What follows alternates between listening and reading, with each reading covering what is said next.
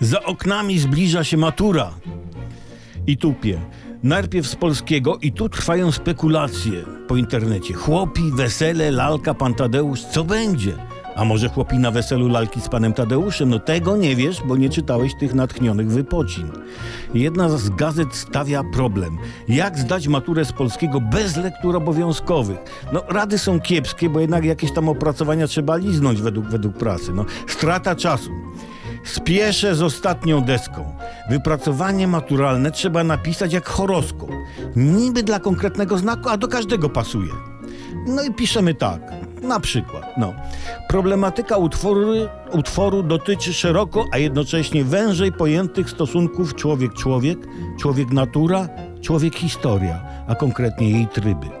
Bohater omawianego dzieła, tutaj wymienić tytuł dzieła i bohatera z pytania maturalnego, napotyka na swojej drodze problemy, które stara się w miarę swoich możliwości rozwiązywać. Pod wpływem trudności okazuje się, jakim jest naprawdę człowiekiem. Kształtuje się jego charakter, który na początku dzieła jest inny niż na końcu dzieła. W omawianym dziele autor znakomicie poradził sobie z wiarygodnym i rzeczowym przedstawieniem. Tu warto użyć jakiegoś trudniejszego słowa, żeby przyplusować, a więc piszemy e, przedstawieniem, e, piszemy perygrynacji bohatera na tle problemów jego epoki.